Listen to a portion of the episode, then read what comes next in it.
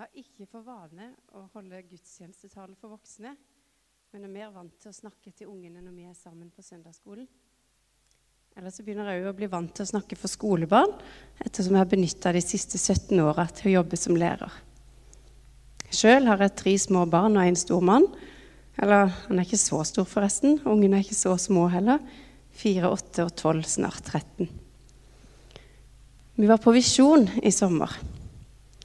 Temaet var 'Det skinner igjennom'.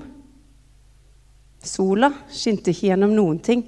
Den hadde klar bane i det deilige sommerværet som vi fortsatt husker og lever på. Det var nødvendig å oppsøke sjøen. Den ene dagen satt vi nede ved brygga og snakka om helt ufarlige ting. Etter hvert dreide samtalen seg inn på skumlere ting, som 'Hva er du flink til?' Jeg sa som sant var, at jeg er skikkelig god til å ha ferie. Så begynte det å bli rett og slett skremmende å si det sånn og prate. For plutselig kom det sånn elegant fra pastor Rune på babord side. Jeg har tenkt litt på å spørre deg om å tale på en gudstjeneste til høsten. Jeg har en konkret dato som jeg må vekk. Oi, sa jeg og tenkte nok noe sånn som at jeg håper virkelig det er en av de helgene vi har planer. Jeg vet det er ganske mye på plakaten i september i hvert fall. Rune hadde i mellomtida kommet fram til at han trodde det gjaldt 16. september. Jeg holdt alle bortforklaringstankene for meg sjøl og sa heller det var en tillitserklæring. Hva skulle så temaet være? Tja, Jesus. Ja, det var jo lett. Og hvor lenge skulle det vare? 24 minutter. Jeg har begynt å erfare det. At hvis det er noe Gud vil at jeg skal gjøre, så jobber han med saken helt til anledningen er der. Han slutter ikke å utfordre sjøl om jeg sier nei, eller kan jeg tenke på det? Derfor har jeg tenkt at jeg heller bare skal si ja med en gang, eller iallfall si jeg kan jo spørre Gud. Så jeg sa vel at jeg skulle snakke litt oppover om det og sjekke kalenderen min når jeg kom hjem. Jeg har nemlig kalenderen min hengende på veggen på kjøkkenet, og ikke på telefonen, sånn som normale folk har. Vi kom i snakk om at det ville være økt fokus på bibellesing og bibelundervisning i menigheten i høst. Og det passer veldig godt med at jeg i løpet av det siste året har hatt veldig lyst til å få lyst til å lese mer i Bibelen. Få litt oversikt, bli mer kjent. Det er bare så merkelig vanskelig å komme på når en skal gjøre det. Veldig fint at drahjelpa nå kan komme her fra østsida. Rune spurte om jeg har en favorittbok i Bibelen. Jeg har i løpet av våren tenkt mye på Hanna og Samuel-fortellingen og den betydninga det fikk for Israel at Samuel ble født. Og David, som bare skulle ut med niste til brødrene sine, men som ramla over Goliat på veien. Det er så lett å tenke at alle andre får sånne kule og barske oppdrag for Gud, skyte på kjemper med sprettert og sånn. Jeg går bare og deler ut nister til folk som er i tjeneste. Men fikk du med deg hva David skulle da han kom over Goliat? Han skulle bare gjøre en tjeneste for pappaen sin. Ta med noe mat til storebrødrene sine. Ingenting av dette kom først på tunga når Rune spurte. Jeg svarte noe som jeg slett ikke har tenkt på på lenge, men som absolutt er sant. Jeg sa Ruth. Jeg har alltid likt fortellingen om Ruth. Helt fra jeg var ganske lita og begynte å lese Bibelen sjøl. Jeg var nemlig mye flinkere og mer motivert fra jeg var åtte til tolv. Om det var fordi det er så lite overkommelig bok, skal være usagt. Men historien har jeg uansett likt godt. Det er noe med Ruth. Men hva er det med Ruth? Nå fikk jeg plutselig motivasjon til å begynne å lese i Bibelen, og jeg begynte med Ruths bok. Parallelt med Ruths bok leste jeg jo i Dommernes bok. Dommerne styrte Israel i tida Ruth levde. Josva hadde ledet israelsfolket inn i det lovede land, men da han døde, glemte folket Gud og det han hadde gjort for dem. En endeløs rekke av ondskap og avgudsdyrkelse fulgte. Gud satte inn dommere som skulle berge dem. Det gikk fint så lenge dommeren styrte, men når han, og faktisk òg ved et par anledninger hun, døde, var det tilbake til det gamle. Fordi folket glemte Gud og ikke regna med at han ville forsørge dem, ble det òg gjerne hungersnød i landet. Vi leser fra Ruths bok, kapittel 1, ja faktisk hele kapittel 1. Skal vi lese Bibel, så skal vi lese Bibel. Vi skal lese ganske mye i dag, men som sagt så er Ruths bok ganske overkommelig. Verd å nevne er det òg at det etter tradisjonen er den tidligere nevnte profeten Samuel som er forfatter av boka. Og den ble, så langt jeg kan forstå, skrevet for omtrent 3000 år siden. Vi leser. På den tid da dommene styrte, ble det en gang hungersnød i landet. Da dro en mann av sted fra Betlehem i Juda med sin kone og sine to sønner. Han ville slå seg ned i Moab for en tid. Mannen het Elimelek konen Naomi og de to sønnene Maklon og Kiljon. De var av Efrata-ætten, fra Betlehem i Juda. Nå kom de til Moab og slo seg til der. Etter en tid døde Elimelek, Noomis mann, og hun satt igjen med de to sønnene sine. De giftet seg med moabittiske kvinner, en som heter Orpa, og en som heter Ruth. De ble boende der i omtrent ti år. Så døde også de, både Maklon og Kilion, og Noomi satt igjen alene etter at sønnen og mannen var borte. Da brøt hun opp fra Moab med svigerdøtrene sine og dro hjem igjen. For mens hun var i Moab, hadde hun hørt at Herren hadde tatt seg av sitt folk og gitt det brød. Hun dro bort fra det stedet hvor hun hadde bodd, og de to svigerdøtrene fulgte henne. Da de var kommet et stykke på veien hjem til Juda, sa Naomi til sine to svigerdøtre.: Snu nå og dra hjem igjen, hver til sin mors hus. Måtte Herren være trofast mot dere, som dere har vært mot de døde og mot meg. Måtte Herren la dere begge få mann og hjem. Så kysset hun dem. Da brast de i gråt og sa til henne, Nei, vi vil følge deg tilbake til ditt folk. Men Naomi sa, Vend tilbake, mine døtre, hvorfor vil dere være med meg? Har jeg kanskje ennå sønner i vente som dere kunne få til menn? Snu og dra hjem igjen, mine døtre. Jeg er jo for gammel til å bli gift. Og om jeg tenkte jeg har ennå et håp, ja, om jeg allerede i natt fikk en mann og så fødte sønner, skulle dere da vente til de ble voksne? Skulle dere stenge dere inn og leve uten menn? Nei, mine døtre, jeg har inderlig vondt av dere, når da Herrens hånd har rammet meg så hardt. Da begynte de å gråte igjen, og Orpa kysset sin svigermor til avskjed, men Ruth ville ikke skilles fra henne. Da sa Naomi, du ser din svigerinne har vendt tilbake til sitt folk og sin Gud, snu du også og følg henne. Men Ruth svarte, Du skal ikke overtale meg til å skille lag med deg og dra hjem igjen. For dit du går, vil jeg gå, og der du bor, vil jeg bo. Ditt folk er mitt folk, og din Gud er min Gud. Der du dør, vil jeg dø, og der vil jeg begraves. Måtte Herren la det gå meg ille både nå og siden, om noe annet enn døden skiller meg fra deg. Da Naomi så at hun var fast bestemt på å følge henne, sa hun ikke mer til henne. Så gikk de to videre til de kom til Betlehem. Da de nådde fram dit, ble det stort oppstyr i byen for deres skyld, og kvinnene sa, Er dette Noomi? Men hun sa til dem, Kall meg ikke Noomi, kall meg heller Mara, for den allmektige har gjort livet meget bittert for meg. Jeg var rik da jeg dro bort, Herren har latt meg komme fattig tilbake. Hvorfor kaller dere meg Noomi, når Herren har vitnet mot meg, når Den allmektige har ført ulykke over meg? Så kom da Naomi hjem igjen, og svigerdatteren, moabittkvinnen Ruth, var med henne da hun vendte tilbake fra Moab. De kom til Betlehem da bygghøsten tok til. Jeg kan ikke la være å undre meg over denne Naomi. Hvem var Naomi? Hva var det med Naomi? Hva betyr navnet Naomi? Som vi hørte i teksten, så sier Naomi sjøl, 'Hvorfor vil dere være med meg?' Ja, hvorfor ville de det? Hva var det denne flyktningkvinna utstrålte, denne enka i fremmed land? Hun hadde til og med mista begge sønnene sine. Hun var fortsatt ei svigermor, men hun hadde ingenting å tilby svigerdøtrene sine, i hvert fall ikke tilsynelatende. Men det må ha vært noe med Noomi. Det må ha skint noe gjennom hos henne. Ruth sier, 'Dit du går, vil jeg gå, og der du bor, vil jeg bo.' Ditt folk er mitt folk, og din Gud er min Gud. Nomi betyr yndig. Hun var ikke mye yndig lenger. Hun hadde vært rik før hungersnøden kom til landet. Hun var rik når hun reiste vekk. Men Herren har latt meg komme fattig tilbake. Kall meg heller Mara. Mara betyr bitter.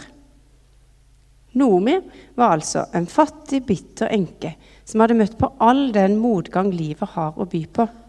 Likevel har hun noe med seg som får svigerdøtrene til å forlate sitt eget land og sin egen familie, et land som folk hadde flykta til. Så antageligvis var det godt å leve i Moab. Ruth ville ikke høre på svigermoras oppfordring om å bli. Hun ville være hos Noomi. Din Gud skal være min Gud. Du må ha skint gjennom. Vi trenger ikke ha ting på stell for å friste med Gud. Vi kan være så skrøpelige vi bare vil. Vi kan til og med være ei svigermor, og noen vil kunne se Jesus i oss. Sjøl har jeg for ordens skyld vært velsigna med ei veldig god og kjær svigermor, og jeg vil strekke meg langt for henne. Men jeg kan ikke med handa på hjertet si at jeg kunne gjort det samme som Ruth dersom situasjonen hadde vært sammenlignbar. Vi leser videre, kapittel 2. Det var en slektning av Noomis mann som het Boas. Han var en velstående mann av Elimeleks ett. En dag sa Ruth, moabittkvinnen til Noomi, la meg få gå ut på åkeren og sanke aks hos en som gir meg lov til det. Hun svarte, ja, gå du, min datter. Så gikk Ruth av sted og sanket aks etter skurdfolkene. Det traff seg slik at den åkeren hun sanket på, tilhørte Boas, som var av Elimelek-ætten. Da kom Boas fra Betlehem.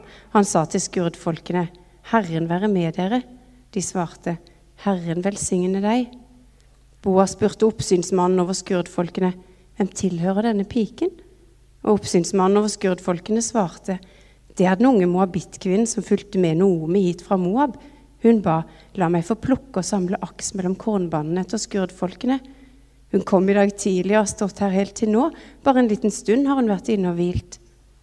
Da sa Boas til Ruth, hør min datter, gå ikke og sank aks på noen annen åker, Gå ikke herfra, men hold deg til tjenestepikene mine.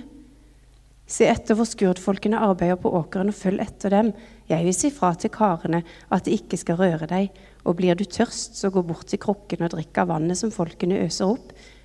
Da kastet hun seg ned, bøyde seg til jorden og sa til ham, Hvordan kan du være så god mot meg og ta deg så vennlig av meg, enda jeg er en fremmed?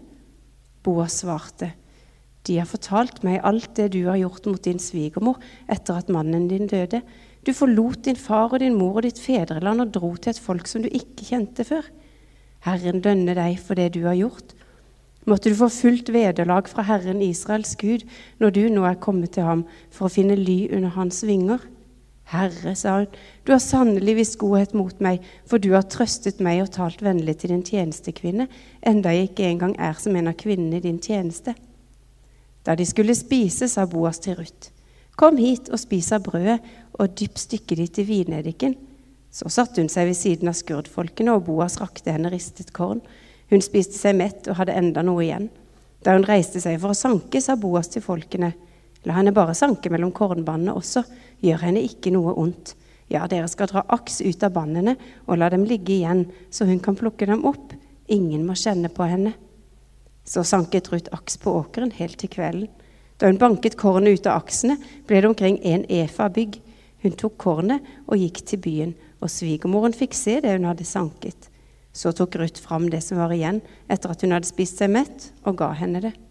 Da sa svigermoren til henne, Hvor har du sanket i dag, og hvor har du arbeidet? Velsignet være Han som har tatt seg så vennlig av deg. Så fortalte hun svigermoren hvem hun hadde arbeidet hos. Hun sa, den mannen som jeg har arbeidet hos i dag, heter Boas.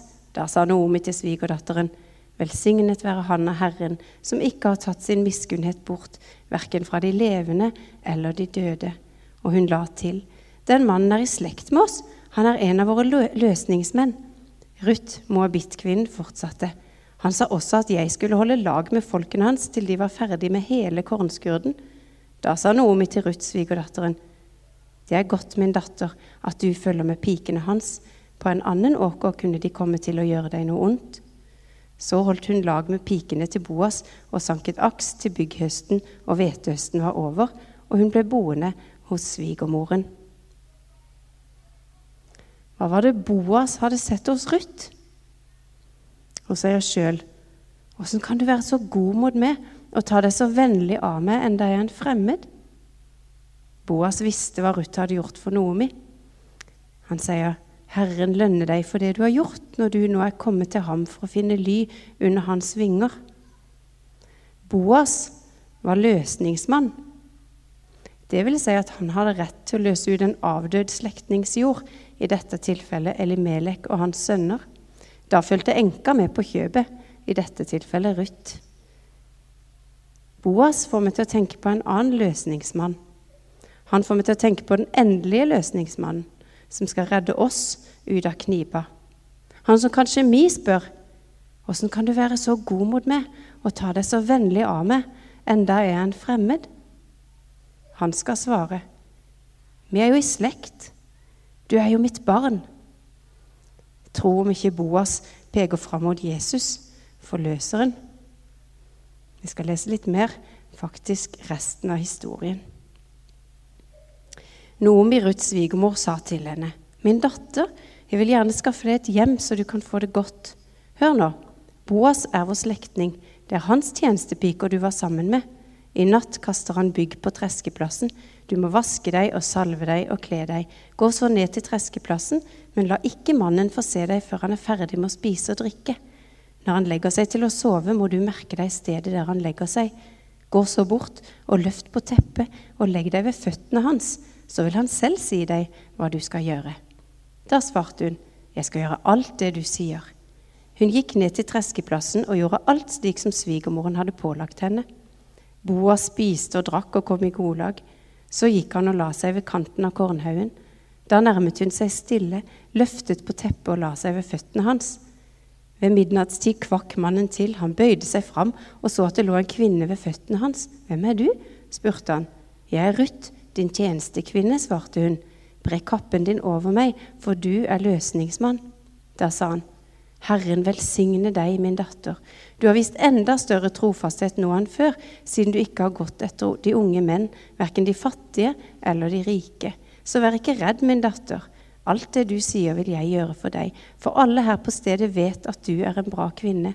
Det er sant at jeg er løsningsmann, men det er en annen løsningsmann som er nærmere enn jeg. Bli her natten over, og hvis han i morgen vil løse deg, så la ham det. Men er han uvillig til å løse deg, skal jeg gjøre det, så sant Herren lever. Bli bare liggende til i morgen tidlig. Hun ble liggende ved føttene hans til om morgenen, men sto opp før folk kunne dra kjensel på hverandre. Han tenkte, det må ikke bli kjent at kvinnen kom hit til treskeplassen. Så sa han, Kom hit med den kappen du har på deg, og hold den fram. Og da hun holdt den fram, målte han opp seks mål bygg og la det på henne. Deretter gikk han inn til byen. Da Ruth kom til sin svigermor, spurte hun, Hvordan gikk det med deg, min datter? Så fortalte hun alt det mannen hadde gjort mot henne, og la til. Han ga meg disse seks mål bygg og sa, Du skal ikke komme tomhendt hjem til din svigermor. Da sa Naomi, Hold deg nå i ro, min datter, inntil du får vite hvordan saken faller ut. For den mannen slår seg ikke til ro før han får saken ordnet, og det allerede i dag. Boas var gått opp til byporten og hadde satt seg der. Litt etter kom den løsningsmannen forbi som Boas hadde snakket om. Da ropte han på mannen og sa, Kom hit og sett deg. Og han kom og satte seg. Boas kalte til seg ti menn av byens eldste og sa, Sett dere her. Og de satte seg. Så sa han til løsningsmannen, Noomi, som er kommet tilbake fra Moab, vil selge det jordstykket som tilhørte vår slektning Elimelek. Jeg tenkte at jeg ville gjøre deg kjent med dette og si, kjøp det i nærvær av dem som sitter her, i nærvær av mitt folks eldste. Vil du innløse det, så gjør det. Men hvis du ikke vil, så si fra, slik at jeg kan vite det, for det er ingen ved siden av deg til å innløse det, men jeg har retten etter deg. Han svarte, jeg vil innløse det. Da sa Boas, men når du kjøper jordstykket av Noomi, må du også ta moabittkvinnen Ruth, enken, for å gi den døde en arving til hans arvelodd. Løsningsmannen svarte, da kan jeg ikke løse, for i så fall forringer jeg arven for mine egne barn.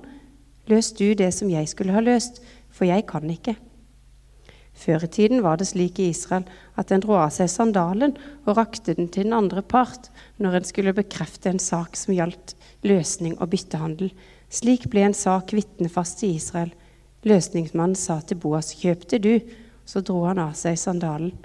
Da sa Boas til de eldste og til hele folket, 'Dere er i dag vitner på at jeg kjøper av Noomi alt som har tilhørt Elimelek, og alt som har tilhørt Kiljon og Maklon. Jeg, er også moabittkvinnen Ruth, jeg tar også moabittkvinnen Ruth, Maklons kone, til ekte, for å gi den døde en arving til hans arvelodd, så den dødes navn ikke skal bli utslettet av hans slekt og bli glemt i porten på hans hjemsted. Dere er i dag vitner på dette. Alle som var i byporten, og de eldste svarte, ja, vi er vitner. Måtte Herren la den kvinne som nå kommer i ditt hus, bli som Rakel og Lea, de to som bygde Israels hus, Måtte du bli en mektig mann i Efrata og vinne deg et navn i Betlehem. Måtte de etterkommere som Herren gir deg med denne unge kvinnen, gi deg en ett som etten til Peres, han som Tamar fødte Juda. Boas tok Ruth hjem til seg, og hun ble hans kone. Da han kom sammen med henne, lot Herren henne bli med barn, og hun fødte en sønn. Da sa kvinnene til Noomi, Lovet være Herren, som ikke lot deg mangle en løsningsmann i dag måtte denne sønnen bli navngjeten i Israel. Han skal gi deg ny kraft og sørge for deg i alderdommen.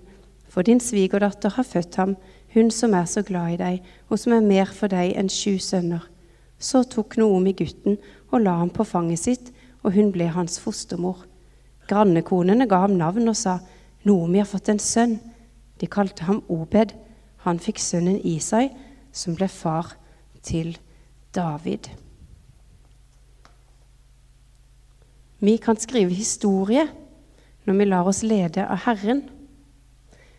Ruth endte opp med å bli oldemor til selveste kong David. Den David som selveste Jesus hadde på slektstreet sitt. Den David som fordi han gikk minister til brødrene sine, fikk vise alle hva han er i stand til å utrette når Gud leder an. Vil du la deg lede av Herren? Vil du skrive Guds historie? Det vil jeg. Kjære Jesus, takk for at du kan skinne gjennom når vi føler oss helt ubrukelige og helt nedkjørt. Takk for at når vi er svake, så er du sterk. La historien om Noomi og historien om Ruth minne oss på akkurat det. Takk for at vi kan få leve i din velsignelse, og på den måten få være til velsignelse for andre, uansett åssen det er stelt med oss. Nå håper jeg at jeg har klart meg, og at det ikke har gått mer enn 24 minutter. Amen.